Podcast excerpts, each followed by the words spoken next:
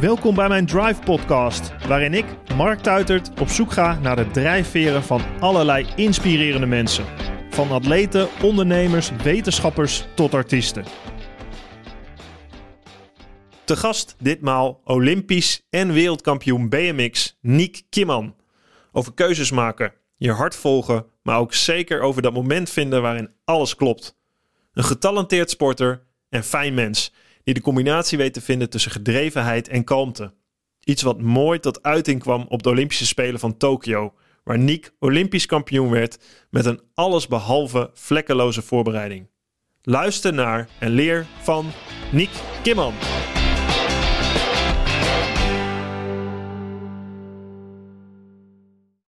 Vind je deze podcast leuk? Beluister dan ook de podcast Goudspraak. Ik ben Minkeboy. Als voormalig tophockeyster weet ik hoe Olympisch goud voelt. In de openhartige podcast Goudspraak praat ik met sporticonen die straks in Parijs voor het hoogste podium gaan. Over de weg naar goud. Beluister nu de podcast Goudspraak. Voor je aan de podcast begint wil ik je kort wat vertellen over mijn nieuwe boek. Drive, train je stoïcijnse mindset. Tijdens mijn carrière, maar nu ook als ondernemer en vader, heb ik veel gehad aan de principes van de stoïcijnse filosofie. De stoïcijnse mindset heeft voor mij het verschil gemaakt om succesvol te zijn. Overigens zijn het veel principes die ik herken bij de sporters, coaches en high performers die ik voor mijn podcast spreek. In Drive leg ik uit hoe ook jij een stoïcijnse mindset kan trainen. Het zijn 10 praktische levenslessen en trainingen die je helpen om met de juiste mentale balans het beste uit jezelf te halen, zodat je zowel scherp als relaxed door het leven kan gaan. Met de stoïcijnse mindset kun je richting geven aan je leven, actie ondernemen en accepteren waar je geen invloed op hebt. Deze mindset werd al millennia geleden toegepast in alle lagen van de bevolking. En nog steeds is deze mindset essentieel om mentaal sterker te worden. Bestel jouw exemplaar van Drive Train je Stoïcijnse Mindset op marktuitert.nl slash drive of via jouw lokale boekhandel.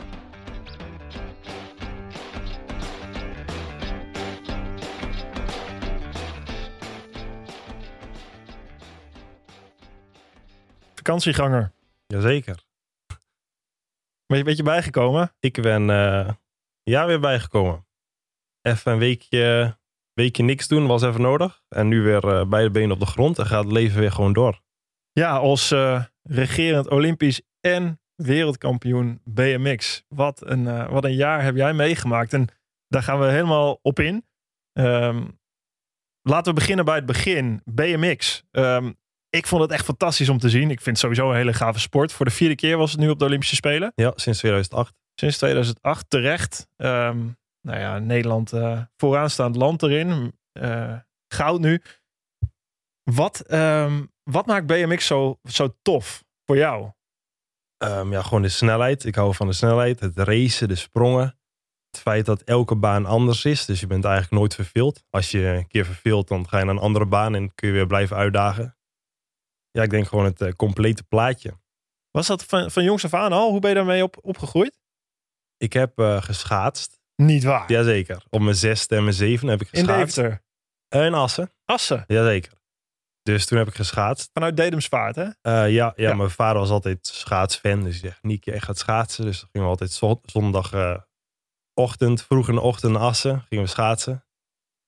En dat vond ik altijd hartstikke leuk, maar ik wilde wedstrijden rijden. En eh, er waren nooit wedstrijden. En toen was er een keer een wedstrijd en dat hadden ze me niet verteld. Dus kleine Niek was toen boos. Wat gebeurde er dan? Ja, toen stopte ik en ging BMX'en. dus er is gewoon een schaatstalent aan jou verloren gegaan? Ja, wie weet. Of ik zoveel talent had, weet ik niet. Maar um, ja, ik ben opgegroeid op een boerderij. En mijn broertje en ik crossten altijd rondom de boerderij met een fietsje. Maar ja, wist ik veel dat BMX een sport was. Dus toen kwam de beste vriend op de basisschool met een BMX. En toen dacht ik, dat is vet. Dat wil ik ook. Dus toen ben ik meegegaan naar de lokale club in Deemsvaart. En ja, toen heb ik eerst uh, uren gekeken naar de training. En aan het eind van de training mocht ik zelf een rondje fietsen. Ja, en ik was meteen verkocht. Dus uh, toen was ik zeven. En sindsdien heb ik nooit meer iets anders gedaan. Grappig, ja. Het zijn, ja ik kom uit Holte, ook Overijssel, de, de zandgronden. Waar ja, iedere dorpje wel een fietscrossclubje heeft. Net zoals in Brabant denk ik ook. Dus op dat moment dacht jij, uh, dit is het, ik weet het. Ja, ja. Ja, op school eh, dan heb je natuurlijk verschillende sporten. Of ga je voetballen of ga je een keer uh, atletiek doen. Ja. Maar ik voelde me nooit een voetballer of ik voelde me nooit een hardloper. Maar op het moment dat ik ging BMX dacht ik, ja, dit, dit is hem. En wat is het dan? Ja, gewoon een gevoel. Sorry. Dat je... Ja, ik was gewoon verkocht dat als ik al mijn vrije tijd op school was ik in mijn schrift, was ik baantjes aan het tekenen. En uh, als we door Frankrijk reden en ik zag bergtoppen, dan beelde ik in dat dat bulten waren en hoe, hoe ik die dan zou springen. Dus ja, dan, dan denk je niet van, is dit mijn sport? Dan, ja, dan gaat het gewoon natuurlijk en dan heb je gewoon je passie gevonden. En vanaf dat moment was dat gewoon mijn leven en wilde ik eigenlijk niks anders. Was het dat je van school kwam, dat je meteen een fiets opzocht? Of? Ja. ja, we wonen op de boerderij, dus dan ging ik met mijn broertje met de kruiwagen zelf bultjes maken. Ja. Of uh, ja, rondje om de boerderij crossen wie het snelst was. En, en ja, hoe snel je van school naar huis kon fietsen. Want jouw jongere broertje Justin, die is ook BMX'er. Ja. Um, ook uh, in, in nationale selectie. Mm -hmm. Is, uh, is, hebben jullie elkaar nodig gehad erin? Of is dat voor jou ook... Uh... Ja, ik denk het wel. ik denk dat Justin is mijn broertje, maar ook gewoon mijn beste vriend. Dus dat we allebei dezelfde hobby hadden toen ik begon met BMX'en, toen zeiden mijn ouders van Justin, je moet eerst je zwemdiploma halen en daarna mag je ook gaan, gaan BMX'en. Maar ja, Justin ging al elke training mee in elke wedstrijd dat ze zeiden van ja, begin maar gewoon. Ga maar gewoon fietsen als je er toch bent. Maar inderdaad, uh, ja, fietsen is leuk, maar in je eentje is toch uh, een stuk minder leuk dan met z'n tweeën. En helemaal, we woonden buitenaf op de boerderij. Dus dan heb je altijd gewoon iemand om mee te fietsen. En uh, met best veel dingen ja, leerde Justin eigenlijk sneller dan ik. Oh ja. Dus dat hij mij af en toe dingen bij kon leren. En dan had ik iets geleerd en dan legde ik het hem uit. En zo werden we allebei beter en beter. En ja, het is gewoon super vet dat je met je broertje dezelfde passie doet. En gewoon uh, zeven dagen per week jezelf kunt uitdagen. Maar praten jullie dan de hele dag over fietsen? Over BMX? Uh, ik denk wel 80% van de ja. tijd, ja. Ja, misschien nu iets minder. Uh, ik denk als je ouder wordt, dan besef je op een gegeven moment dat er ook meer is dan dat. Maar zeker toen wij kind waren, dan uh, was alles BMX. Hey, maar volgens mij is die baan behoorlijk uit de klauwen gelopen daar op die boerderij, toch? Ik zie wel eens video's van jullie. Jullie maken veel video's, ook veel mm -hmm. content zelf. YouTube, ja. Uh, ja. check het. Uh, jouw YouTube-kanaal staan mm -hmm. hele leuke, leuke video's op.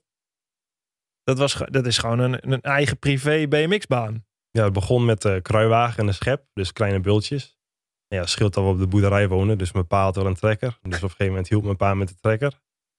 En op een gegeven moment hadden we onze, onze pa ja, zover gekregen dat we een stuk van het weiland mochten gebruiken. Dus hebben we een keer een dag een kraan gehuurd. Ja. En met allemaal maat uit de buurt hebben we gewoon een eigen tweepersoonsbaan gebouwd. Ja, dan, wanneer was dit? 2006, 2007. Ja, hoe oud was je toen? Een jaar of 19. Dus toen hadden we. Dus toen, ja. ja. toen hadden we gewoon nog hulp van oude rijders van de club die ons dan hielpen met bouwen. Omdat ja, zelf op die leeftijd weet je niet per se hoe je een baan moet bouwen. En hadden we een, een loonbedrijf met iemand die een kraan kon besturen. Dus die eigenlijk al het werk deed. En ja, naarmate we ouder werden, ja, op een gegeven moment leer je dat zelf.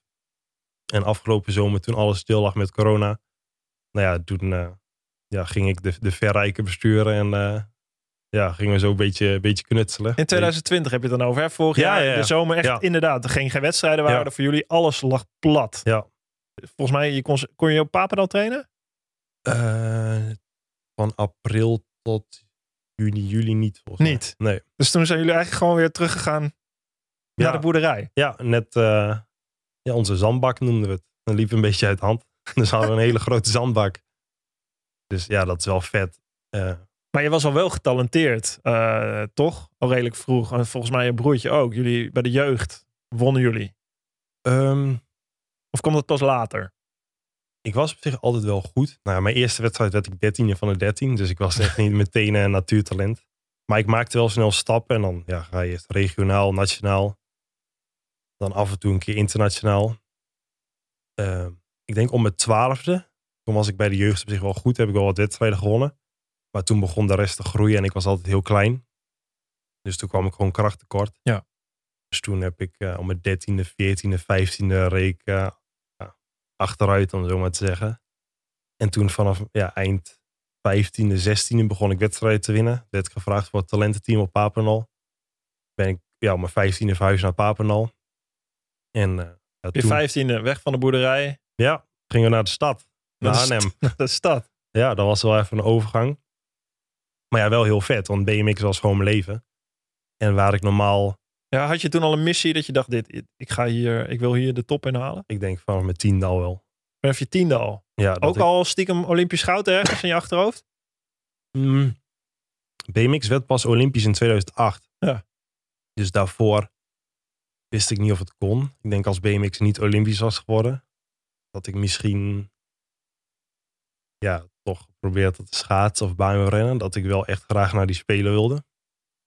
Maar ja, toen werd BMX Olympisch. Dus toen wist ik wel van, eh, ja, dit is wat ik wil. Hey, maar voor BMX, weet je zegt het schaatsen is een explosieve sport. Mhm. Baanwielrennen explosief. Eh Harry Lafrijze, Jeffrey Hoogland komen ook uit het BMX. En Roy Ehm, van den Berg, Roy van den Berg Eris ook. Sam Lichlee. Ga nog maar even door. Ja. Bijna de hele baanselectie. Eh, overigens ook heel succesvol Ja. in Tokio. Ehm, wat, je moet ontzettend explosief en sterk zijn, toch? Ja. In het BMX'en. Ja. Als ik jullie zie, ik weet, schaatsers hebben dat ook. Wij trappen ook waardes op een Wingate test. Eh, voor mensen die niet weten wat een Wingate test is, is een 30 seconden test die wij deden. Doe je niet voor je plezier? die doe je, dat is echt het meest verschrikkelijke wat je kan doen op aarde. Dat is, in mensen, je kan mentaal gezien, kan je 30 seconden maar all-out gaan. Als je langer gaat, ga je onbewust al inhouden. Ja. Eh, en de, voor jullie is volgens mij nog belangrijker die eerste vier seconden. Hè? Die eerste, bij die start van de BMX, echt het maximale vermogen wat je in die eerste paar seconden op je trappers kan krijgen. Ja, als ik mezelf vergelijk met eh, Jeffrey Hoogland, Harry Lafrijzen, die ken ik natuurlijk goed. Ik denk dat de BMX, de gemiddelde BMX'er heeft zeg maar een 3 seconden tot 6 seconden waarde die echt heel hoog is. Hoe hoog? Wat, wat trap jij?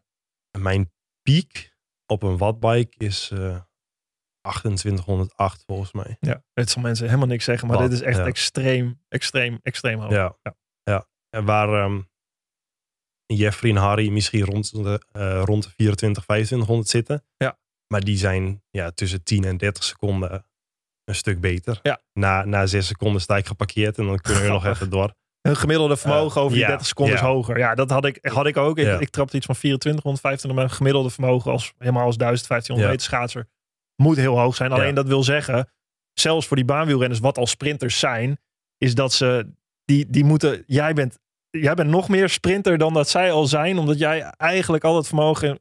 Ja, je, kan het alleen maar kwijt, toch? In die start, in die eerste paar seconden bijna. Ja, ja je hebt bij de start eh, ja, ga je natuurlijk echt zo hard als je kunt, alles wat je hebt. Dan doe je eigenlijk maar vijf slagen. Dan krijg je al de eerste sprong. Dan doe je een keer drie slagen, heb je weer een sprong. En vanaf dan doe je eigenlijk maar max drie slagen achter elkaar. Tot je elke keer bulten tussendoor hebt. Dus ja, je ziet wel dat... eh, ik denk dat Jeffrey en Harry, als ze er echt specifiek op zouden trainen... kunnen ze die max wattage misschien iets hoger krijgen. Ja. Maar ja, dat is voor hun niet boeiend. Nee. Hun Ja, het gaat ten koste weer Ja. van hun uithoudingsvermogen, Dus- wat ze nodig hebben om. Dus ik denk onze training komt best wel overeen. Maar dat daar dan net het verschil zit. Dat hun net iets meer ja, diep eh, de verzuring in moeten. Ja. Waar wij gewoon eh, echt ja, mega explosief moeten zijn. Doe je, hoe- hoeveel keer krachttraining doe je in de week? Eh, in de winter drie, in de zomer twee. Nou, dat valt nog mee. Ja. ja, maar ik denk ook als ik voor mezelf spreek dat ik niet per se mega sterk ben. Ja. Of natuurlijk, ik, ik ben wel sterk, maar, maar ik, eh, met BMX moet ik het vooral van, mijn- van mijn beentempo hebben. En eh, ja, technisch eh, maak ik meestal het verschil. Ja, ik heb, ik heb jouw documentaire ook gezien, die je overigens zelf gemaakt hebt. Ehm, Ja. Na de Spelen op YouTube, nogmaals, aanrader. Mhm. Heel leuk om te zien.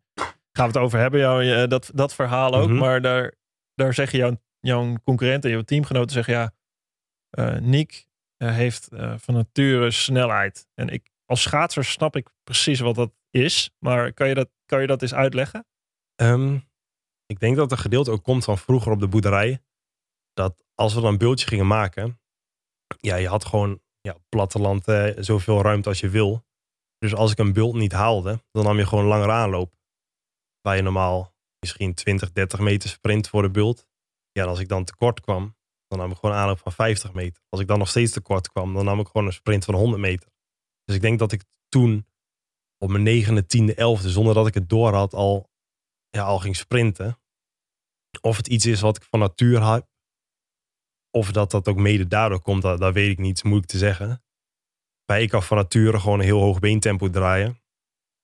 En, Als je dwong jezelf eigenlijk onbewust om grotere afstanden te sprinten en nog harder te gaan om Ja. een hogere sprong te En maken ik- op die ik- ene bult. en eh, nou, mensen zeggen altijd BMX is al een kinderfiets. Maar ik reed nog op een veel kleinere fiets dan ik. Ik reed echt op een kinderfiets met, ja, ehm, voor de kenners een BMX fiets. Mijn cranks zijn eh, zeg maar 175 mm. Maar die kinderfiets had 110 mm cranks en heel licht verzet. Dus ja, je trapt die helemaal suf. Maar ik denk als ik nu terugkijk dat ik daar echt wel veel aan gehad heb. En Gewoon plus- voor je beentempo. Je moet harder Ja. trappen. Ja, Dus het is eigenlijk de, de combinatie van, van snelheid is dan ritme kunnen houden, RPM. Ja. Dus Ja, heel snel, tik, tik, cadans en de kracht. Die Ja. combi. ja, je wilt eh, heel sterk zijn om natuurlijk van ja, je start vanuit stilstand om dan op gang te komen. Dat is kracht. En daarna moet je gewoon beentempo hebben om dat vast te houden. Hey, en dan, eh, dat lukt jou. Sterker nog, jij wordt volgens mij in je eerste jaar dat jij meedoet aan een we- wereldkampioenschap senioren, word jij wereldkampioen. Ja. Gearriveerde man in één keer. Boom. Was die voor jou, kwam die, kwam die uit het niks? Of, of was het een verrassing? Of dacht je, of was dat... Eh, ik werd in 2014 wereldkampioen junioren. Maar ja, ik trainde eh, met, dagelijks met Jelle Twan van Gent, Raymond van Biezen. Dus ik wist van heel, heel leuk dat eh, wereld, die wereldtitel bij de junioren. Olympische toppers. Maar eh, ik wist wel in een training kom ik echt nog wel vies tekort Ja. op de senioren. En toen die winter van 2014 op 2015 merkte ik dat ik steeds wel dichterbij kwam en dichterbij kwam. En ja, ik weet niet, ik was altijd gewoon zo kritisch op mezelf. Dat als ik nu terugkijk en ik zie iemand van 18 die in de buurt komt bij de toppers, denk ik zo, die is goed bezig. Ja. Maar ik dacht, eh, waarom rijdt Van Vergeet me eruit? ik denk van, ik snap er niks van, hoe kan dat? Ja. Maar ik denk dat die mindset me wel heeft geholpen dat ik altijd ja, super gretig was. Ja, 2015 door het jaar heen eh, won ik een keer een Europese wedstrijd bij de senioren. Dus ik denk van ja, dit gaat wel goed zo. Ja. En toen kwam Wereldbeker Papendal. Haalde ik voor het eerst de finale. En toen won ik. Dus gast, eh, nou daar heb je het over. Ja, destijds dan eh, Sam Willoughby bijvoorbeeld. Ja. Ehm, Australiër. ja, die, ehm, ja, een van de best ooit, denk ik. Die was op dat moment de wereldkampioen. En toen won de wereldkampioen junioren ik van de wereldkampioen senioren. Dus dat was best wel uniek. Maar op dat moment ben je jong, doe je het zelf, dan heb je helemaal nog niet door wat je aan het doen bent eigenlijk. En twee maanden later kwam de WK. Ja, en toen werd ik wereldkampioen. Dus toen werd ik in 2014 wereldkampioen junioren en 2015 wereldkampioen bij de senioren. En dat is natuurlijk super vet. Alleen ik denk dat ik als mens, als rijder, als sporter, als atleet, was ik er denk ik wel klaar voor. Alleen als, als mens kon ik daar gewoon nog niet mee dealen met de verwachtingen. Met dat je in één keer interviews moet doen, moet doen in aanloop naar wedstrijden. Dus ja, toen zag je ook 2016, 2017 reed ik echt compleet achteruit. Dat ik gewoon helemaal het plezier verloor. Ja. Omdat ik zo jong won, nam ik niet genoegen met ook maar iets anders dan winnen. Maar ja, je verliest eenmaal, nu eenmaal meer dan dat je wint. Dus Ja. dat ik compleet het plezier verloor. Maar had dat plezier, kun je dat uitleggen waar dat in zit dan? Heeft dat te maken met, met jouw eigen verwachting? Of met Mhm. de verwachting van, van, van de buitenwereld? En in één keer ben je wereldkampioen. ja, dat, dat overkomt je eigenlijk Ja. weer. Ja. Als ik je zo hoor. Ehm, iedereen ziet dat je talent hebt. Dus iedereen om je heen gaat denk ik ook inderdaad verwachten. Dat is gebeurd bij 19, 20-jarige talenten. Herken ik heel erg. Ja. Eh, ik riep het zelf ook. Nou, ik ga de komende jaren alles winnen. En eh, Het domste wat je kunt zeggen. Precies, de hele wereld roept het ook over je. Van nou, nou kijk, eh, nou, het moet wel heel gek gaan. Wil dit niet één groot succesverhaal worden? Ja. Ehm, ja, ik denk voor mij was het gewoon. ehm, ik heb best vaak jou als voorbeeld gebruikt. Want 2008 was BMX Olympisch en 2010 eh, werd jij Olympisch kampioen. En jij kwam dan uit Holte redelijk bij mij uit de buurt. Dus dan, ja, ik weet niet of, ondanks dat ik jou nooit had gezien, dan denk je van, oké, als iemand bij mij uit de buurt dat kan, misschien kan ik het ook wel. En dat ik dan altijd dat helemaal ging idealiseren van een Olympische titel of gewoon meedoen bij de, de top van de wereld. Dat ik dacht van, ik moet gewoon hard trainen, hard werken, alles opofferen. Want als ik eenmaal dat doe, dan leef ik de rest van mijn leven op een roze wolk. Dat, Ja. dat slaat natuurlijk helemaal nergens op, maar dat dacht ik. Dus daarom als kind af aan, vanaf mijn tiende, vond ik het helemaal niet moeilijk om feestjes over te slaan, om verjaardagen over te slaan. Want ik dacht, dit is allemaal voor het grotere doel. En als ik dat grote doel haal, Ja, dan, Dan- dan, ja, dit is nu gewoon even erachter. investeren, dan vink erachter. En dan, eh, gelukkig. Ja, nou, dat dacht ik. En toen werd ik wereldkampioen en toen viel dat zo vies tegen. Ja, toen dacht je, wat dacht je toen? Dacht je, nou hier, nu, eh, nu sta ik iedere dag op en En toen won ik. Ik denk van ja, ja wat nu? Want dan heb je in één keer, natuurlijk het Olympische, Olympisch goud was nog, nog wel een droom. Maar ik denk van Mhm. ja, iets waar je twaalf jaar naartoe werkt of van droomt, is er in één keer. En wat nu? En dat ik dat best wel moeilijk vond om dat te accepteren. Ja, dat ik ja, moeite om motivatie te vinden om te trainen. Gewoon, was je toen nog wel iedere dag dat je opstond en dacht, hé, hey, eh, hier een BMX fiets, gaaf. Was je dat, verlie- was je dat Mm, verloren? Toen ehm, was het wel een stuk minder. Dat ik, maar dat vond ik ook moeilijk. Dat BMX was altijd mijn hobby en mijn passie. En in één keer merkte ik dat ik een stuk minder enthousiast was. En, en dat zat mij best wel dwars toen. Ik denk van, hé, maar dit vind ik altijd, vond ik altijd zo mooi. En in één keer vind ik dat niet zo mooi meer. Van, dat ik dacht Voelde je schuldig na, ten opzichte van jezelf? Zoiets? ja, maar ook Van ik mag dit niet voelen? Of? Ja, en ook eh, naar anderen toe. Dat anderen die denken van Niek is wereldkampioen. eh, Rio op, kwam zijn, eraan. op zijn negentiende. Rio komt eraan, leven lach je toe. Alleen ja, diep van binnen was je gewoon diep ongelukkig. Dus dan is het ook best wel moeilijk om daarover te praten. Omdat de Ja. mensen om je heen, die, die snappen dat gevoel niet echt. Dus dan krop je dat op. Ja, dat gaat natuurlijk helemaal verkeerd. Grappig hè, dat is, dit is wat heel veel... Dit gebeurt bij zoveel sporters. En niemand die het eigenlijk, die, eigenlijk is het een soort, je kan het nooit echt toegeven. Want stel je zou toegeven dat je, je omdat iedereen denkt van ja, je wint. Dus dat, daar heb je toch altijd voor gedaan. Ja, Wat loop je nou te zeuren man? ja nee, wat je loop hebt je... gewonnen. Wat loop je te klagen? Je hebt, je hebt toch alles wat je, je hebt eh, alles om je heen. Hoe kan het in godsnaam dat je dan niet gemotiveerd bent als je dat hebt gehaald? Ja, nee, inderdaad. Zo, zo voelde het ook. En daarom voelde ik me ook best schuldig als ik erover ging praten. Dat ik denk van ja, Ja. ik heb waar al die andere jongens van dromen. Ja, dan kan ik het niet maken om te gaan klagen. naar hun. Ja.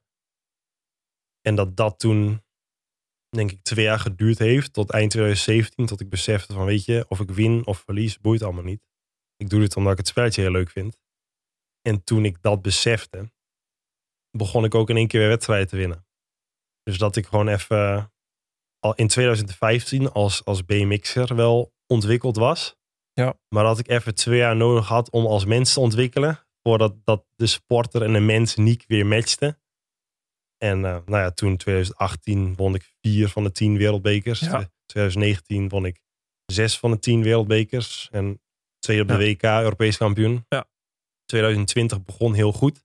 Won ik de eerste wereldbeker en daarna ging de hele wereld op slot. En eh, ja, 2021 Ja. eh, Olympisch en wereldkampioen. Dan komen we zo. Ja, je was super constant. Dat herinner ik nog. Ik dacht, hey, die twee jaar ertussen. Ook in Rio, daar stond je in de finale. Maar Ja. daar werd je zevende. Ja, ja.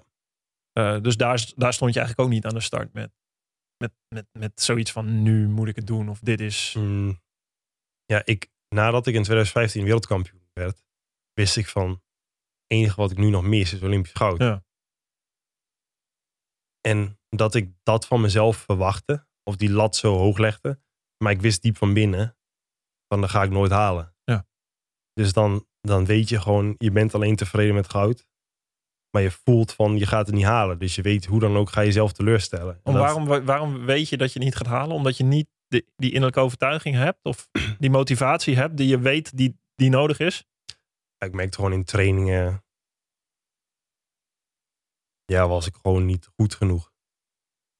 Of dat ik te veel. Ik verwachtte dag in dag uit van mezelf dat ik perfect was. Want ik had het jaar regenboogtrui op mijn negentiende. Ja. En dan als mensen komen kijken. Ik dacht, eh, ik moet laten zien hoe goed ik ben.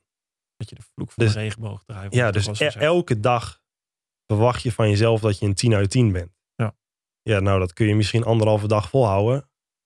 En daarna ja, loop je tegen de lamp. Ja. En ja, dan heb je dat een jaar lang een aanloop naar de Spelen. Nou ja, dat is gewoon het eh, Dus eigenlijk, recept om er niks van te bakken. eigenlijk, eigenlijk word je iedere dag geconfronteerd met het feit dat je niet goed genoeg bent voor jezelf. Voor mezelf, ja. Ja. Nie- niemand om me heen verwachtte dat hij elke dag zo goed was. Ja. Alleen ik verwachtte het zelf wel. Het heeft echt totaal 100% alleen met je eigen verwachtingen Ja, want voordat ik eh, die wereldtitel won, Mhm. won ik in de training ook niet van Twan. Nee. Alleen op die wedstrijddag klopte alles gewoon. Alleen toen had ik die regenboogtrui. En toen verwachtte ik in één keer van mezelf dat ik wel... Het is fascinerend hè, dat je met je hoofd dus totaal je eigen verwachtingen je zo Ja, in de weg je- kunnen je- zitten. je- terwijl de rest van de wereld je eigen nergens iets mee te maken hebt, maar het zijn puur je eigen verwachtingen. Ja, je creëert gewoon je eigen op de weg. Ja, Je creëert ze zelf. Ja, je maakt het gewoon heel lastig. Alleen om, nu, nu kan ik erop lachen. Alleen op dat moment heb je niet door. Nee. Ja, en dat voelt gewoon kloten. Ja, ja. En hoe ben je daaruit gekomen in die twee jaar tijd? Is dat geleidelijk gegaan? Of, of ging je op een, op een moment dat je wakker werd, dacht, hé, hey, ik ga de knop omzetten nu?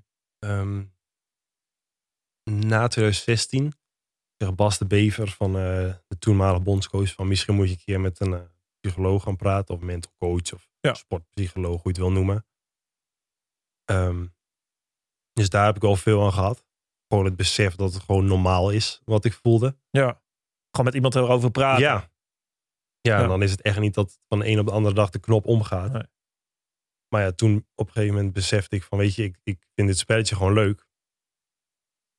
En ik moet dit uiteindelijk niet doen om wedstrijden te winnen, maar gewoon omdat ik dit leuk vind.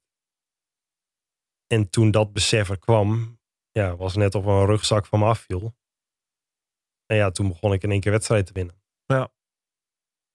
Plus dat tussendoor ehm, met Jelle van Gorkum en ik, wij waren in t- 2016 hadden we allebei Olympische finale. En 2017 bakten we er allebei eigenlijk vrij weinig van. Ja. En dat toen eh, november 2017, dat we zeiden van dit jaar waren we opvulling. Maar volgend jaar eh, gaat dat niet gebeuren. Dus dat we ons de hele winter ja, echt aan het pushen waren. En dat ik zelf ook wel merkte dat ik weer eh, plezier had in wat ik deed. En dat ik ook harder aan het fietsen was. En toen kwam op 9 januari 2018 eh ja, Jelle's ongeluk. Klapte hij op de ketting. ja. En Daar dat, was jij bij. ja, ja, klopt. Dat zag ik met mijn eigen ogen. Dus dat heeft me wel ehm, doen beseffen dat eh, de kansen niet zo vanzelfspre- eh, vanzelfsprekend zijn als het lijkt. Wat deed dat met je? Eh,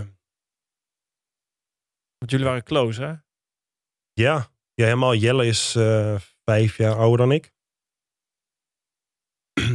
en ja, hij heeft me altijd wel op sleeptouw genomen. We hadden denk ik een beetje een haat-liefde relatie met elkaar. Zoals Maar- niet zo maar- gek is voor concurrenten. ook. Nee, nee, nee. Ja. Eh, maar ja, we beseften wel dat we elkaar allebei nodig hadden. Hm. Gewoon elkaar in het trainen om elkaar te pushen. En toen kwam Jelle's ongeluk. Dus dat was ja, voor mij wel lastig. Zeker eh, mijn ouders eh, waren een week daarvoor gescheiden. Ja. En toen Jelle's ongeluk. Dus dat was wel even een pittige periode. Ja, ja, je zegt het heel eh, rustig nu, maar dat, is, dat lijkt me, je Ja. ouders scheiden, dat is al, eh, je Ja. wereld raakt daardoor verstoord. En dan, want dat ongeluk, dat volgens mij, jullie, ging, jullie zouden gaan trainen Ja. samen. Ja, ehm, ja, het was januari. Dus meestal is het dan slecht weer. Ja, Dus we zouden die dag niet de baan op gaan, want meestal is de baan te zacht, die periode van het jaar. Maar die dag was het toevallig redelijk weer, was de baan te fietsen. Dus toen dachten Jelle en ik van ja, als het kan, willen we gewoon van die, van die stadheuvel af. Ehm, maar ja, omdat dat last minute het plan was, hebben we met z'n allen vergeten die ke- ketting. Er hing een veiligheidsketting onderaan de stadheuvel zodat onbevoegd eh, de heuvel niet op konden. Want in het verleden zijn mensen, als er sneeuw lag, met sneeuw, met rubberboten van die heuvel afgegleden. Ja, dat wil je niet hebben, dus daarom hing daar een ketting. Maar goed, die dag zijn wij vergeten die ketting weg te halen. Dus Jelle sprint naar beneden. En die klapt met eh 60 per uur op die ketting. Ja. Dus ja, toen eh, ja, lag Jelle twee weken in coma. Maar dat heeft mij wel doen beseffen, wat ik zo straks ook al zei, van kansen zijn niet zo vanzelfsprekend als dat het lijkt. Ehm, dus dat ik daarvoor, 2016, 2017, als ik dacht van ik kan niet winnen vandaag, dat ik mijn kop misschien niet hangen. Ik denk van ja, als ik eh, tweede word, eh, nou ja, lekker boeien, dan hoeft het niet. Ja. Maar dat ik toen in één keer besefte van weet je, als vijf het hoogst haalbaar is, moet je ook gewoon voor die vijfde plek strijden. Ik wil niet terugkijken en wetende ehm, dat ik het mezelf kwalijk neem dat ik er niet alles aan gedaan heb. Dus toen ja, 2018 eh, won ik voor het eerst sinds 2015 weer mondiale wedstrijden. Ja. En vanaf toen ging het qua fietsen steeds beter. volgens mij is Jelle daar ook bij, die, die was daarbij ook. Ja. En eh, het, want volgens mij heb je daar ook wel aan gerefereerd in Rio. Dat het ook een soort, eh, ja, In Tokio. of sorry, eh, in Tokio. Dat, is het een soort iets wat je, ja, wat, je, wat, je, wat je kracht geeft of motivatie geeft? Of iets wat Mhm. je... in 2018, ik denk een maand na Jelle's val, toen gingen we op trainingskamp. En toen stuurde John, Jelle's vader, me een berichtje van veel plezier en succes op trainingskamp. Van, eh, dat Jelle ook niks anders, niks liever had dan dat wij gewoon goed fietsten. Ja. Dus ik dacht van ja, weet je, in deze situatie kan ik weinig doen. Dus één ding wat ik goed kan en dat is hard fietsen. Ja. En dat is dan mijn manier om ja, een soort van iets terug te geven. Ja. Ehm, dus toen, vanaf dat moment had ik één droom op dat moment. En dat was de wereldbeker op Papenal winnen. Want dat was de eerstvolgende wedstrijd in Nederland sinds Jelle's ongeluk. Plus het was op Papenal voor alle mensen. Ja. ja, zeg maar de mensen op Papenal hebben, hebben dat ook van dichtbij meegemaakt. Ehm, en ja, voor ons als rijders in het team was het moeilijk. Maar ja, voor de directeur van Papenal, alle mensen die daar werken, alle medewerkers, die hebben dat ook van dichtbij meegemaakt. Ja. Dus ik wist van al die mensen zijn daar. Ehm, en als ik dan toch iets van positiviteit terug kan brengen door, door hard te fietsen op Papenal, dan wil ik dat graag doen. Dus ja, toen won ik eh, in 2018 die Wereldweek op Papenal. De eerste wedstrijd waar Jelle weer bij was om te kijken. Dus die zat eh, op de VIP-tribune toen. Ja, en toen zag ik eh, ja, volwassen mensen met tranen in de ogen. Ja. Dus ja, dat was voor mij wel heel speciaal dat ik ja, op mijn manier ehm, toch een soort van een glimlach ja, terug kon brengen bij de mensen. Ja. Moet niet groter maken dan dat is, maar ehm, ja, Nou, voor, je- voor mij was dat wel heel speciaal toen. Ja, kan ik me heel goed voorstellen. Heft, heftig. heftig Ja. Is voor, voor iedereen die je denk ik vanaf... eh, Ja. ja. voor jullie zelf natuurlijk helemaal. Ja. Maar eh, als je kijkt naar jullie... Jullie zijn als team ook wel vrij hecht met de BMX'ers. Dat, dat, dat zie je wel... Ja, nee, zeker als je afgelopen spelen in Tokio bekeek. Ja. Dat, Ja, jij ontbrak een, onderbrak een interview om, eh, om de dames nog even... ja, nee, ja, klopt. aan ik, te eh, moedigen. Ik eh, was interview. Ik had, ik had helemaal niet door dat het interview live was. Dus ik, eh, ik was interview aan het geven en ik hoorde eh, ja, de omroeper. Dat is een prachtig interview trouwens. Echt. Ja, dankjewel. Ja, weet je, de, zulke interviews, dan zit je zo in je eigen wereld. Die zijn altijd het spontaanst. Ja, en dan, dan hoor je dat, dat de omroeper dat uh, Merel op plek 3 lag. Ja. Ja, dat, dat kan toch niet dat ik die Olympische finale... Mis omdat je een interview het geven. Nee, ja, dat, dat ik erbij ben en dat, eh, dat ik met mijn rug naar de finale toe sta. Precies. Dus ja, maar ook, ehm, eh, ja, ik woonde dan afgelopen jaar in Zwitserland. Ja. Eh, Twan van Gent reed voor een commercieel team. En Joris Harms, die ja, trainde gewoon normaal onder het Nederlands team. Ja. Dus dat we alle drie apart trainden. Maar we zaten op de spelen in hetzelfde appartement. En dat we best wel gewoon een hecht, een hecht clubje waren. Dus dat ook voor de finale, dat eh, ik was de enige Nederlandse man in de finale. Dat, dat Twan en Joris mij gewoon aan het helpen waren. Van, eh, wil je nog iets water? Moet, kan ik iets voor je doen? Dus we zijn natuurlijk elkaars concurrenten. Maar Ja. ja, dat we ook wel gewoon eh, respect hebben naar elkaar. En dat als de ene wedstrijd is afgelopen, dat we dan toch proberen de ander gewoon zo goed mogelijk te helpen om het, ja, in ieder geval voor Nederland zo goed mogelijk te doen. Ja, maar dat is bijzonder. Dat is mooi om te zien ook. Hè, want ja, je- Twan die werd een jaar, die is regerend wereldkampioen. Ja. Eh, die vlak voor jou eindigde eh, eh, toen. Dat hele, dat hele teamgevoel, dat, eh, dat straalt heel erg af. En ik kan me voorstellen, hè, voordat we bij de Spelen komen, Mhm. dat even terug nog naar die, dat, dat hele die situatie dat Mhm. jij ehm, terug bent wint. Corona, zeg maar. Wat, wat- ik heb het idee dat, dat, dat je ziet heel veel verschillende dingen die gebeurd zijn. Eh, als ik naar Tokio kijk, naar de Spelen, ik zie atleten die, die daarna ook openlijk verkondigen wat jij ook hebt verkondigd. Hè? Dat het soms ook gewoon een worsteling is Ja. om, om mentaal fit te blijven. Omdat, omdat je zo moet schakelen. Je, je richt je op een Spelen die in 2020 zijn. Ja. Die wordt een jaar verplaatst.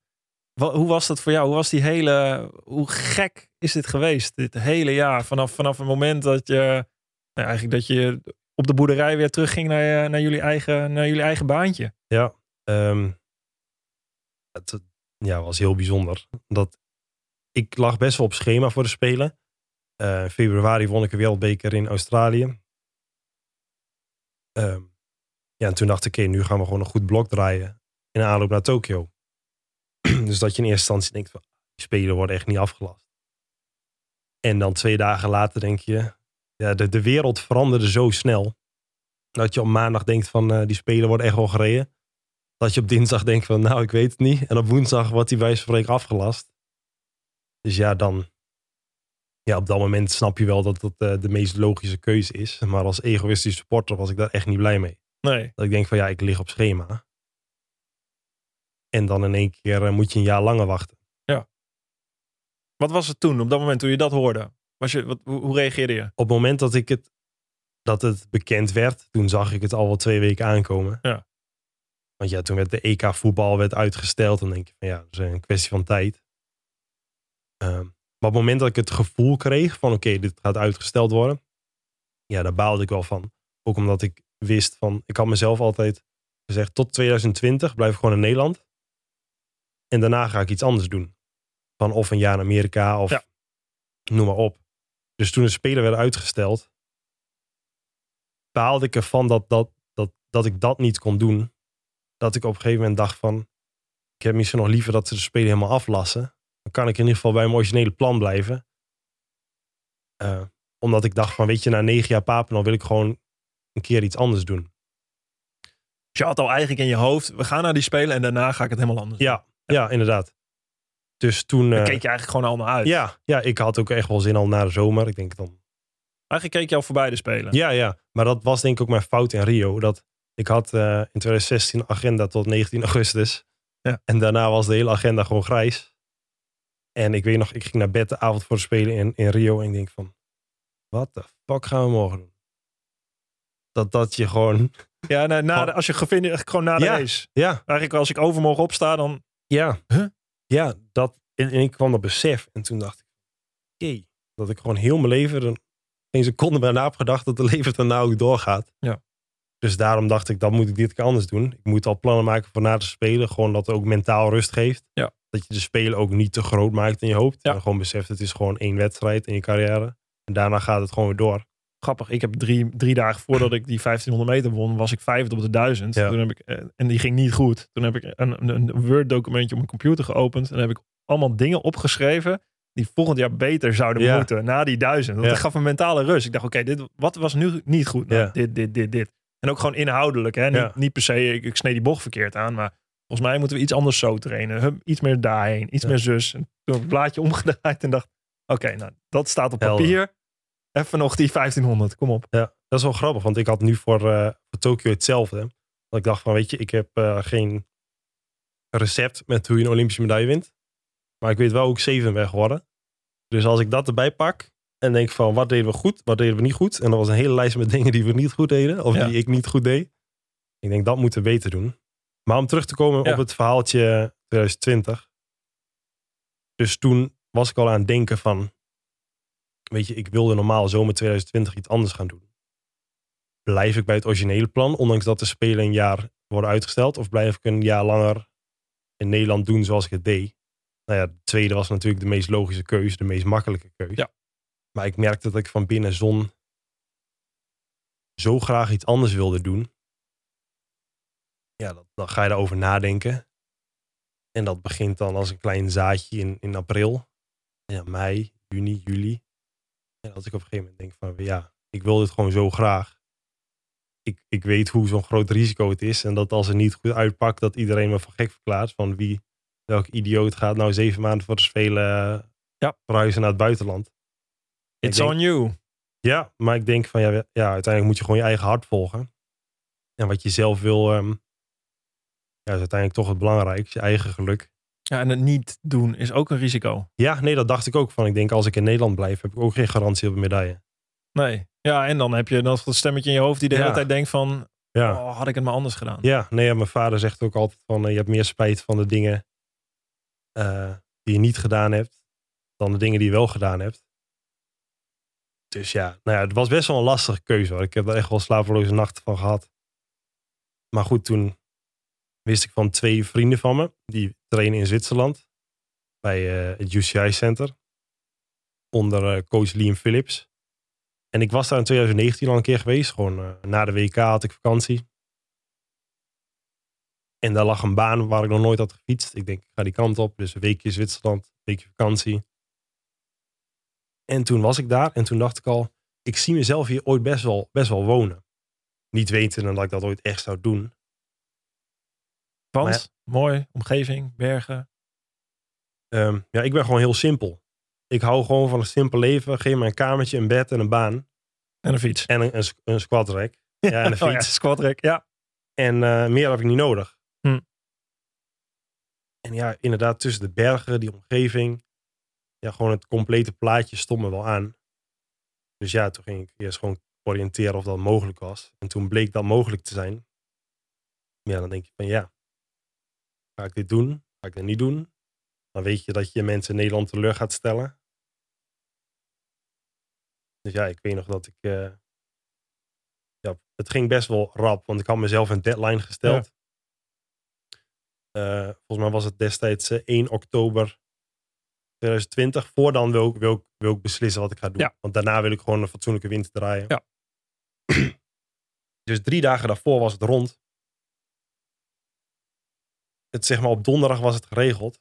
En ik wist van volgende week dinsdag wil ik beginnen met trainen daar. Toen Dus moest je het alleen nog vertellen. ja, dus dan ga je de bondscoach vertellen. Dat, eh, Raymond. Ja, Raymond eh, van der Wiezen en Rob van der Wildenberg. Ja, die zaten er aan tafel. Die denken, wat gebeurt er nou? Ja. Maar ja, dat, ja. Ze, ze, ja, ze steunen mij altijd in, in mijn keuze. Dus Hmm. daar was ik wel heel blij mee. Maar ja, ik vond het wel moeilijk om dat te vertellen. Snap ik. Maar dit is ook de topsporter die weet als ik, als ik, ik moet dit doen. Ja, Om, dit is je eigen overtuiging. ja. Nee, en dan de dag Dat is erna- niks sterker dan dat. Ja, en dan... Dus ik zeg, eh, ik, wil, ja, ik wil in Zwitserland gaan trainen. En dan zo... En dan na de Spelen? Of eh, wanneer? Ik zeg, ja, volgende week dinsdag eigenlijk al. En zo, oh, oh, nou ja. Ja, hun wisten natuurlijk ook niet wat hun overkwam. Ja. Ja, de dag erna... Ik, eh, ik weet nog een krachttraining met het Nederlands team. Ja. En eh, toen zegt Rob, eh, jongens, even stilte. Dus met trillende stem zeg ik, jongens, ehm, ja, ik ga naar Zwitserland. Wat kreeg je van reacties? Begrepen Ehm, ze het? ja, hun, ja, die jongens die ken ik al jaren. Ja. En over het algemeen was de reactie, zeg maar, ik zat van, ik weet zoals Joris Harmsen, Hmm. eh, ja, die ook eh, als BMX'er eh, was mijn roomie in Tokio. Zegt van, weet je, ik, ik zag er niet aankomen, maar het verbaasde me niet, zei hij. Ja. Hij zegt, ik, ik ken jou. En ik, ja, die weet ook van dat ik altijd op zoek ben naar nieuwe uitdagingen. Ja. Dus hij zegt, eh jouw kennende, is het een goede keuze en moet je dat gewoon doen.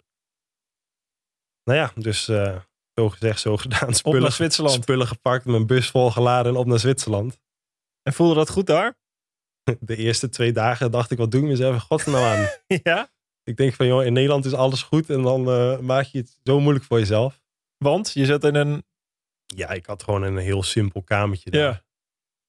En helemaal, dan kom je daar aan, heb je een lege kamer met een bed. Ja, gewoon heel kaal, kil. Ja. Nou, dat wil je Sober. toch? Ja, maar als het een beetje een eigen kamer voelt, is het ook wel lekker. Ja.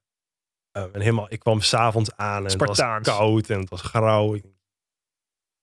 Maar goed, toen begon ik met trainen en toen na twee dagen eh, merkte ik wel van ja, dit voelt goed, dit is wat ik wilde. Mhm. Ja, en dan, eh, maar ja, dat was voor het eerst natuurlijk dat ik met Liam Phillips als coach werkte. Dus dan moet je elkaar wel een beetje leren kennen. Ehm, ik, ik wist wel een beetje zijn filosofie en dat stond me wel aan. Wat is die in het heel kort? Ehm, Want dan gaan we daarna naar de ik Olympische ben, Spelen. En wat ik zeg, ik ben heel simpel. Ik hou niet van te veel poespas. Je moet Ja. gewoon de simpele dingen heel goed doen. Ja. En alles wat poespas is, dan moet je gewoon schrappen. Heel simpel gezegd. ja, ja, ik snap hem helemaal. Duidelijk. Ik denk dat het heel, ja, heel dus- goed advies is dus- voor heel veel mensen. Ja, dus waar in Nederland trainen we vaak twee keer per dag. Mhm. Eh, waar we in, in Zwitserland dan één keer per dag trainen, maar dan wel één langere sessie. Andere prikkel is dat. Ja, gewoon anders. Heel anders. Ja. Gewoon anders. Dus waar ik in het begin echt wel even aan moest wennen. En waar het begin eh, dit jaar ook ehm, de wedstrijden echt niet vanzelf gingen. Dus de eerste wereldbeker vloog ik eruit in de halve finale. Dat je mensen bij de bond al achter de oren zag van Oh, wat God. heeft Nick nou gedaan. Maar dat ik zelf al wist van hoeveel dingen die wedstrijd fout deed. En dat ik ja, zeker na anderhalf jaar of 15 maanden niet racen weer even ja, in moest komen. En ja, vanaf toen ging het eh, elke wedstrijd beter. En dat ik een maand voor een spelen door had van ehm, dit wel goed. Ik wou net zeggen, want volgens mij als ik iedereen uit die omgeving hoor, jij hebt hetzelfde nou ook gezegd. Je was in topvorm. Ja. Was je, en op een gegeven moment, ik ken dat, je, je traint hard, je komt terug, je, je tapert, je wordt Ja. uitgerust, hè, je voelt je eerst moe. Eh, en inderdaad met hele zware trainingen. Ja. Je moet ook nog aan een ander trainingsregime wennen. Dat is natuurlijk ook voor je lichaam even aanpassen. Maar als je daarvan terugneemt, weet je pas echt hoe het uitpakt. Het is allemaal leuk in trainingen. Het is allemaal leuk in uh, wereldbekers. Maar je weet het pas echt als je taper terughaalt. En dat doe je dan voor de eerste keer, neem ik aan. Echt bij, bij Liam misschien voor de Eh, Spelen. En ja. dat je in ieder geval terug bent. Dat je denkt van oké, wa- wat, wanneer had je, wanneer had je, er moet ergens gevoel zijn. Ik herken dat heel erg. Ook Mhm. je, voor, voor, voor Vancouver had ik dat heel erg. Dat je ergens een paar weken van tevoren denkt. Alright. Ik had het bijvoorbeeld, om je een voorbeeld te geven. Ik had, ik had heel slecht gereden voordat ik naar Vancouver ging. Ik had Mhm. een trainingswedstrijd gereden in Heerenveen. En ik reed slechter dan het wereldrecord dames op de 500. Dat is echt een slechte tijd. Ik zat in zakken als ik denk, wat moet hier nou weer van komen? Ik wist ook wel, oké, ik heb nog drie, vier weken en, en dit, hier moet ik doorheen. En ik Mhm. ging toen, ging het vliegtuig in Calgary. Drie, vier dagen later sta ik daar op het ijs en ik rijd een tempo rondje. En Jack Ori, mijn coach, daar rijd ik langs. En, ehm, en, en eh, ik- zeg al tegen hem van en? En zo, eh, wil je het weten? En nee, volgens mij, eh, volgens mij is het sneller dan nooit. Nee, hij kijkt op zo, zijn tijd. Ik weet niet eens tot op de dag van vandaag wat die tijd was. En zo, hm, yep. Ja. En dat toen voelde ik, dacht, nou oké, dit, ik raak hem nu. Dit is gewoon, bam, Dat dit is hoe, dit is hoe schaatsen gevoel. moet voelen. Ja, dat is zo'n lekker gevoel. Ehm, wij hadden afgelopen winter hebben we zes weken getraind in Zuid-Frankrijk. En dat was één baan waar we vaak trainen. En ik wist van die baan ligt mij niet echt. en zes weken voor de Spelen reden we een wedstrijd op die baan. En het ging zo goed. En ik werd die wedstrijd tweede. Dus ik had nog steeds in 15 maanden geen wedstrijd gewonnen. Maar ik werd daar tweede. Ik dacht van als dit een baan is. Van ik weet die ligt mij niet echt. En ik rij zo hard. Nou ja, als ik straks in Tokio kom. Op een baan die me wel ligt. Dan, dan denk ik dat er eh, wel eens mooie dingen kunnen gebeuren. Maar ik denk dat ik het echte vertrouwen begon te komen toen we drie weken voor de Spelen deden we een soort race simulatie op Papenal. Die lijkt op de baan in, in Tokio, toch? ja, een soort kopie. soort, ik denk de baan in Europa die dichtst bij Tokio Mhm. komt. Dus daar was van Gent, Jos Harmsen, eigenlijk alle Nederlandse Olympiërs die deden samen een soort race simulatie. En ik was de dag ervoor, eh waren met de auto uit Zwitserland gekomen, dus zeg maar tien uur in de auto. Dus ik wist van mijn benen, voelde niet super. Weet je, ik deed die race simulatie gewoon. Ik, ik benaderde hem niet als een race. Ik denk, ik wil gewoon even eh, lekker, lekker rondjes rijden. Maar ik reed toen Twan op eh, 1,2 seconden op een rondje. Waarvan ik zelf wist van, daar zit nog wel rek in. En op dat moment had ik dat helemaal niet door hoe goed dat was. Maar ja, toen, toen zag je Twan ook kijken. Zeg maar helemaal geen... Ja, dit voelt heel respectloos naar Twan dat ik dit nu zeg. Maar als je weet van Twan is de regerend wereldkampioen. En je zag Twan ook kijken van, wat de fuck is dit? Ja, maar dit voelen sporters onder elkaar. Je weet gewoon, als jij aan de Ja. start staat en je weet, je voelt gewoon of iemand, Ja. je voelt of Ja. iemand beter is en je voelt van jezelf wat je moet doen om bij te blijven. Ja, en dat Joris Harms, Ja. ehm, zeg maar, ik reed dan 34-3 op Papenal. En Joris Harms, eh, ik deed die rondje samen met Joris. En Joris reed achter me aan. En die zegt van, Niek, dit was niet normaal. Dit was het hardste wat ik ooit over Papenal gereden heb. En jij lag een paar meter los. Dus toen, ja, dat, die rondjes die stonden ook op film. En dan hoor je Joris schreeuwen naar de finish van, Niek, dit is niet normaal. En ook ehm, dat de jongens van het talententeam, Hmm. ja, we hebben online zo'n OneDrive waar alle video's van de training op staan. Ja. Want eh, de junioren, die waren op dat moment in, in Zolder voor de, voor de EK in België. En die, ja, die waren natuurlijk nieuwsgierig naar hoe de Olympiërs hun rondjes aan het doen waren. Ja. En ik kreeg al allemaal appjes van, eh Nick, wat ben jij aan het doen? Ja. Van dat Justin, mijn broertje, ook zegt van, dit is niet Ja, normaal. ja. Dus iedereen wist eigenlijk, jullie- de insiders wisten wel, oké, dit, eh, ja. die staat scherp. Ja, maar voor mezelf, op dat moment, soms rij je hard, maar dan voel je van, oké, dit is de limiet van wat ik kan. Ja. En daar reed ik hard en ik wist van, eh, Daar nog iets over. ja, er zit nog wel iets, er zit nog wel lekker, iets in de dat tank. gevoel. Dus dat ik toen wist van, oké, de komende drie weken moet ik mezelf gewoon pacen. Ja, oké, maar dan weet je inderdaad, hoe ga je dan naar Tokio toe? Want je weet, hè, er zijn twee mogelijkheden. Als je waarschijnlijk onervaren bent, kun je denken, nou, hey, holy. En dat zie je vaak. Hè, kijk eens hoe hard ik heb gereden. Kijk Ja. eens allemaal. Hey, Ik ben hier de favoriet. Kom Ja. maar. Meestal, vaak denken mensen dat het op eh, zelfvertrouwen straalt. Maar vaak is het het Ja, tegenovergestelde. vaak is dat gewoon onzekerheid. echt zelfvertrouwen hebt, hoef je niet te zeggen. Nee. Onzekerheid is dat vaak om te roepen dat je heel goed bent. En dat helemaal uit één trainingje moet halen. Ja. Hoe, eh, hoe heb je jezelf gepaced of rustig? Hoe ben je rustig gebleven? Want we komen ook nog op dat voorvalvlak voor. Ja. eh, nou, laten we daar gewoon meteen naartoe gaan. Je was, je was heel rustig, zeg je. Ja. ja, ik was mezelf gewoon, eh, ja, na, die, na die training wist ik van oké, ik ben goed. Ja? En toen dacht ik, ik moet vooral niet mijn energie gaan verspillen in stoer doen in de training. Ja. Ik moet gewoon mijn inspanningen doen. Of wat voor rondetijden ik rijd, dat boeit allemaal gereed. Want diep van binnen wist ik, het zit goed. Mijn coach wist, het zit Ja. goed. Dus ja, dan, dan zing je het gewoon uit. En dat als, eh, als in een training iemand me een keer eruit starten. Ja. Dan denk ik van ja, prima. Prima. Gewoon dat je vooral niet eh, beseffen dat de wedstrijd in Tokio is en niet op Papendal op dinsdagochtend. Precies. Je wil niet, je wil niet alvast iets vieren Nee. waar je Nee, helemaal nee. niks aan hebt. Nee. Want die wedstrijd zegt nog niks. Ja, het zegt iets dat je gevoel hebt en vertrouwen. Maar Ja. op die wedstrijd, Nee, dus verder ehm, denk ik van ja, ik moet mezelf gewoon rustig houden. Want er kan van alles gebeuren Ja. voor een wedstrijd. Zoals bijvoorbeeld een vrijwilliger die, Die oversteekt, eh, en vlak voor jou. Ja, ehm, ja, in mijn mindset naar Tokio was vooral van mensen van de bond of NRC-NSF. Die willen alles controleren wat ze kunnen controleren. Maar ik denk altijd van jongens, het is sport. En helemaal met BMX zijn er zoveel dingen die je niet in de hand hebt. Dus ik dacht, eh, zolang de staf, de mensen om me heen doen wat hun kunnen, moet ik gewoon flexibel zijn en dealen met eh, wat er voor mijn voeten gegooid wordt. Ja, ik wist van na Rio, de voorrondes op de Olympische Spelen is één groot slagveld. Iedereen rijdt eh dood als gladiolen. Dus toen, ja, de eerste training in Tokio ging supergoed. Dus daar was ik blij mee. Dus meteen de eerste sessie wil ik vooral veel fietsen, veel de baan leren kennen. En daarna dacht ik, daarna drie dagen ga ik vooral rustig aan doen. Ja. ja, want jullie kwamen pas vijf dagen voor. Ja, ja. Gewoon met coronamaatregelen, et cetera. Ja. Ja, je mocht pas vijf dagen voor competitie het dorp in. Ja. Redelijk laat, maar achteraf beviel dat me wel goed. Want zo'n Olympisch dorp eh, is mentaal breed energie. Mensen denken wel eens, oh, dat is heel, heel leuk en et cetera. ja, dat is heel leuk, maar ik denk als je dan in de eetzaal zit en je kijkt eens om je heen. Ja. Ja, helemaal omdat ik, ik was mentaal best wel rustig. Ja. Dus dan zit je gewoon te observeren. En dan zie je mensen kauwen op een eten. En dan, dan vraag je jezelf af hoeveel mensen in deze eetzaal hebben nu het gevoel bij een biefstukje dat ze een rot schoensel aan het kauwen zijn. Ja. Je ziet iedereen gaat gewoon helemaal kapot van binnen van de stress. Als En je daar twee weken zit en dat helemaal ervaart, Ja. dan ben je bijna over je piek heen. Ja. ja. Ja, je bent gewoon al gesloopt voor de wedstrijd Precies.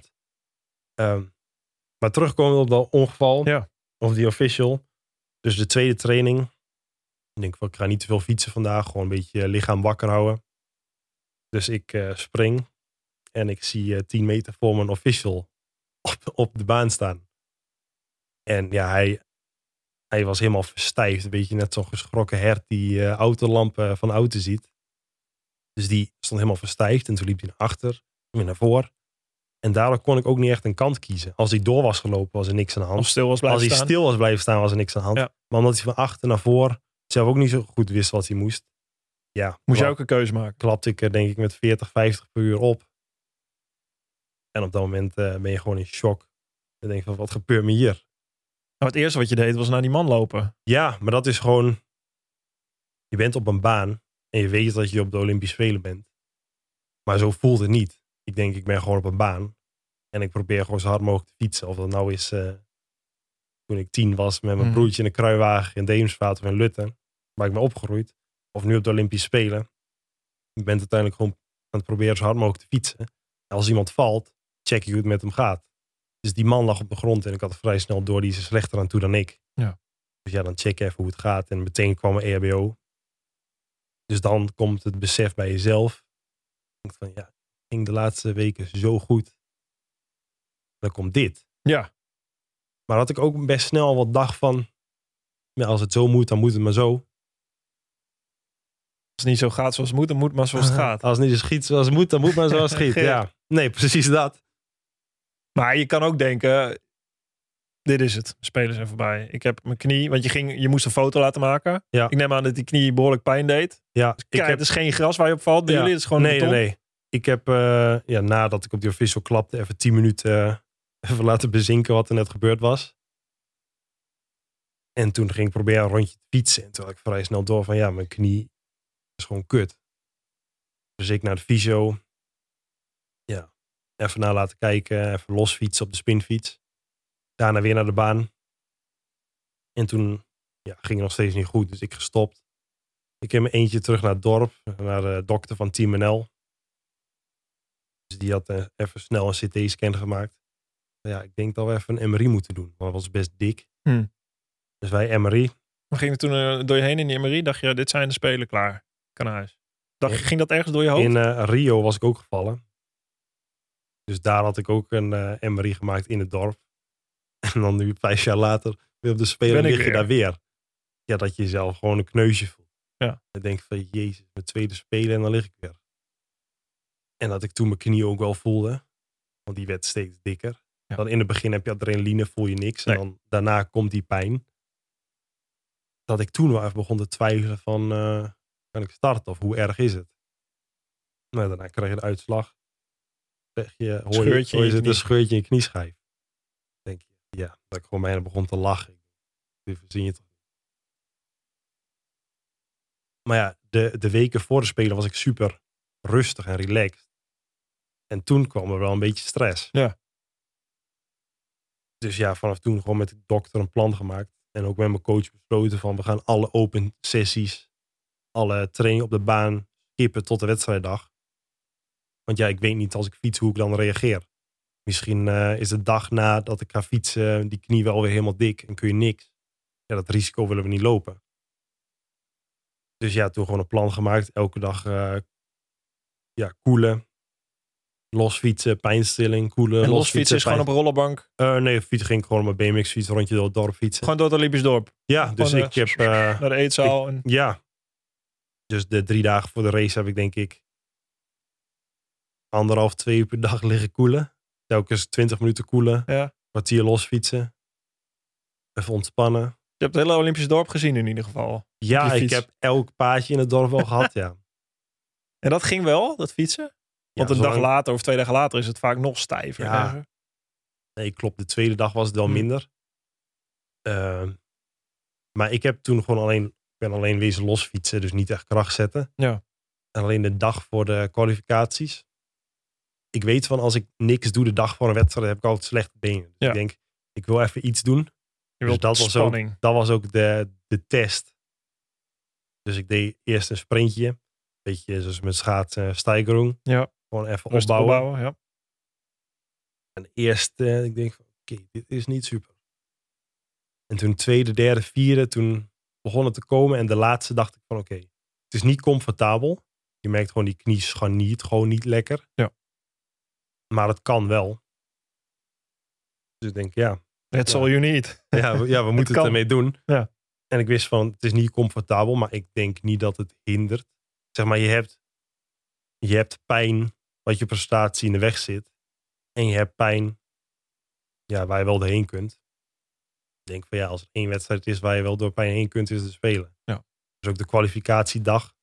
Toen was mijn knie wel wat gevoelig en was ik wel voorzichtig.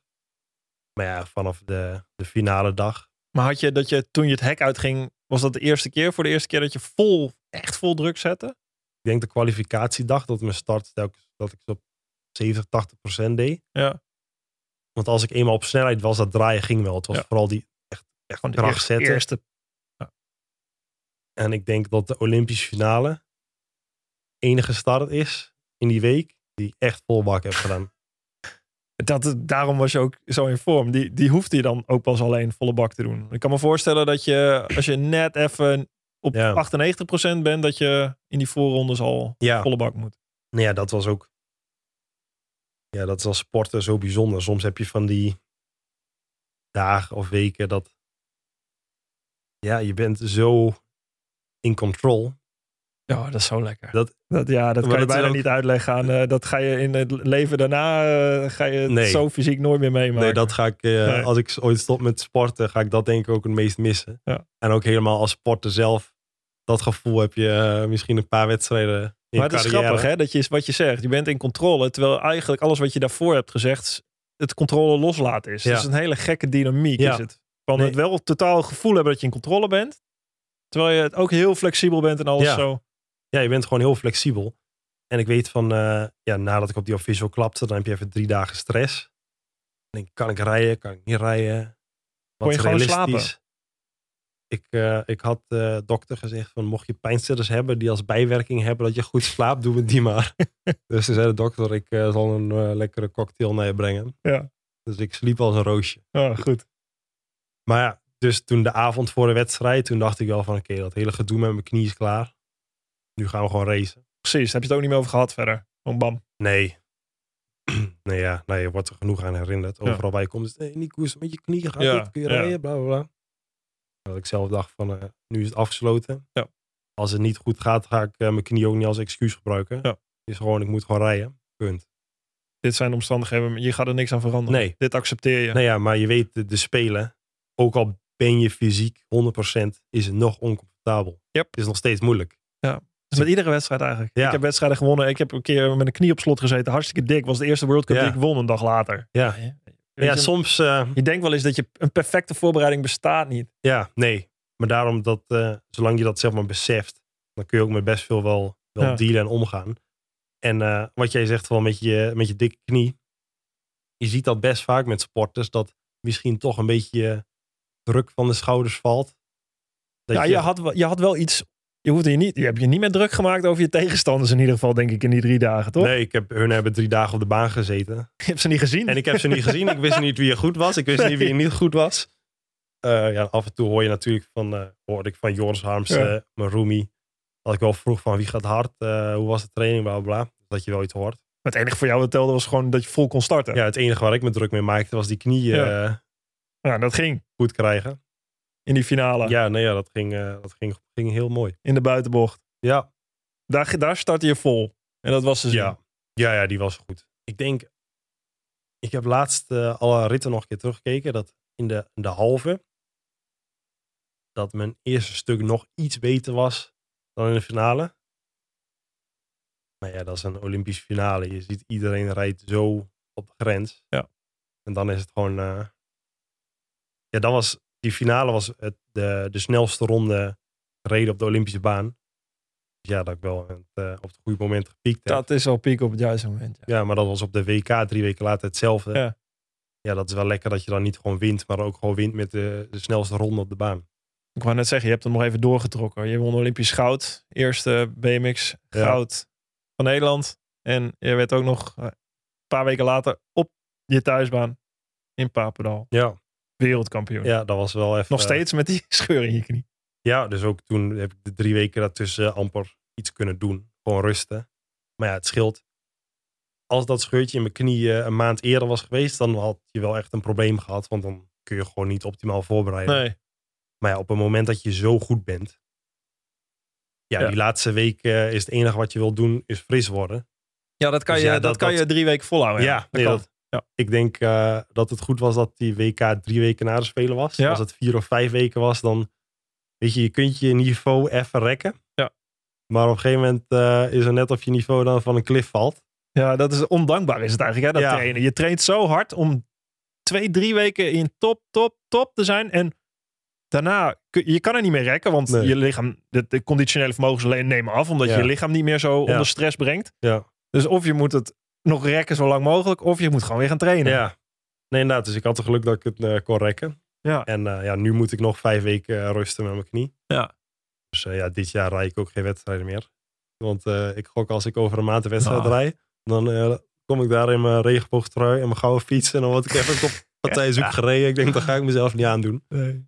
Dus Nou, volgens mij heb je al vakantie verdiend en rust verdiend. Want eh, ja, daar was ik ook wel even aan toe. wat zijn, eh, kort voordat we afsluiten, wat zijn, wat zijn drie jaar tot, tot Parijs? Mhm. wat, zijn, eh, wat zijn de plannen die je nog hebt? De dromen? Ik wilde in principe nu twee maanden gaan baanrennen. Om fysiek fris te blijven, maar mentaal even iets anders te doen. Maar ja, ik- ik- eh, zo, je komt in de teamsprint eh trein terecht voor Parijs. Ja, nou dat denk ik niet. Dat denk ik niet. Maar dat was meer gewoon ja, om even mentaal Ja, iets anders tuurlijk. te doen. Maar mijn Ja. knie moet rusten, dus dan eh, moet je niet gaan baanrennen met zo'n groot verzet. Nee. Dus dat wordt hem niet. Maar ik heb altijd nog een seizoen in Amerika willen doen. Hmm. Dus eh, Daar hebben ze een apart circuit, een BMX ja, circuit. ja, ja, je hebt zeg maar in BMX de, de Olympische Spelen is het hoogste. De WK, de Wereldbeker. Ja, de Wereldbekers. Een beetje uh, à la het schaatsen. Ja. Maar je hebt dan de Amerikaanse serie. Dat is ook wel een, een prestigieuze titel. Is dit wat je eigenlijk wilde gaan doen? dit was Tokio? mijn originele plan eh, om, na te, om eigenlijk dit jaar al te doen. Ja. Maar ja, omdat de Spelen een jaar werden uitgesteld en reizen nogal lastig was, ja, was het gewoon niet realistisch. Dus Mooi komende- adviesje voor dat circuit. Wereld- en Olympisch kampioen Ja, Nick Kimman. dus de komende vijf weken eh, mag ik niet trainen. Dus heb ik alle tijd om dat eh, te regelen. Dus eh, daar ben ik de komende week druk mee. En dan hoop ik... ehm, ja, mijn eerstvolgende wedstrijd is als het goed is... ja, Phoenix, Arizona in januari. Klinkt eh, niet slecht. Nee, nee inderdaad. Dus nu even rusten. Genieten van mijn rust nu het kan. En daarna ja, is het waarschijnlijk weer een één streep door naar prijs. Een nieuw avontuur eerst. En Ja. dan Ja, In nee, inderdaad. Gewoon, eh, uiteindelijk moet je gewoon je hart volgen. Doen wat je leuk vindt. En ehm, als je dan tussendoor nog wedstrijden kunt winnen, is alleen maar mooi meegenomen. Waarvan akte, dankjewel. Ja, bedankt.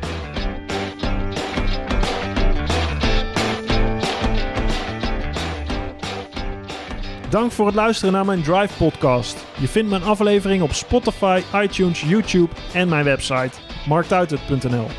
Laat me weten wat je van mijn podcast vindt en deel dat via Instagram, Twitter, LinkedIn of Facebook. Heb je suggesties voor gasten? Stuur me dan een DM via die kanalen. Tot de volgende Drive podcast. Goed, Mark.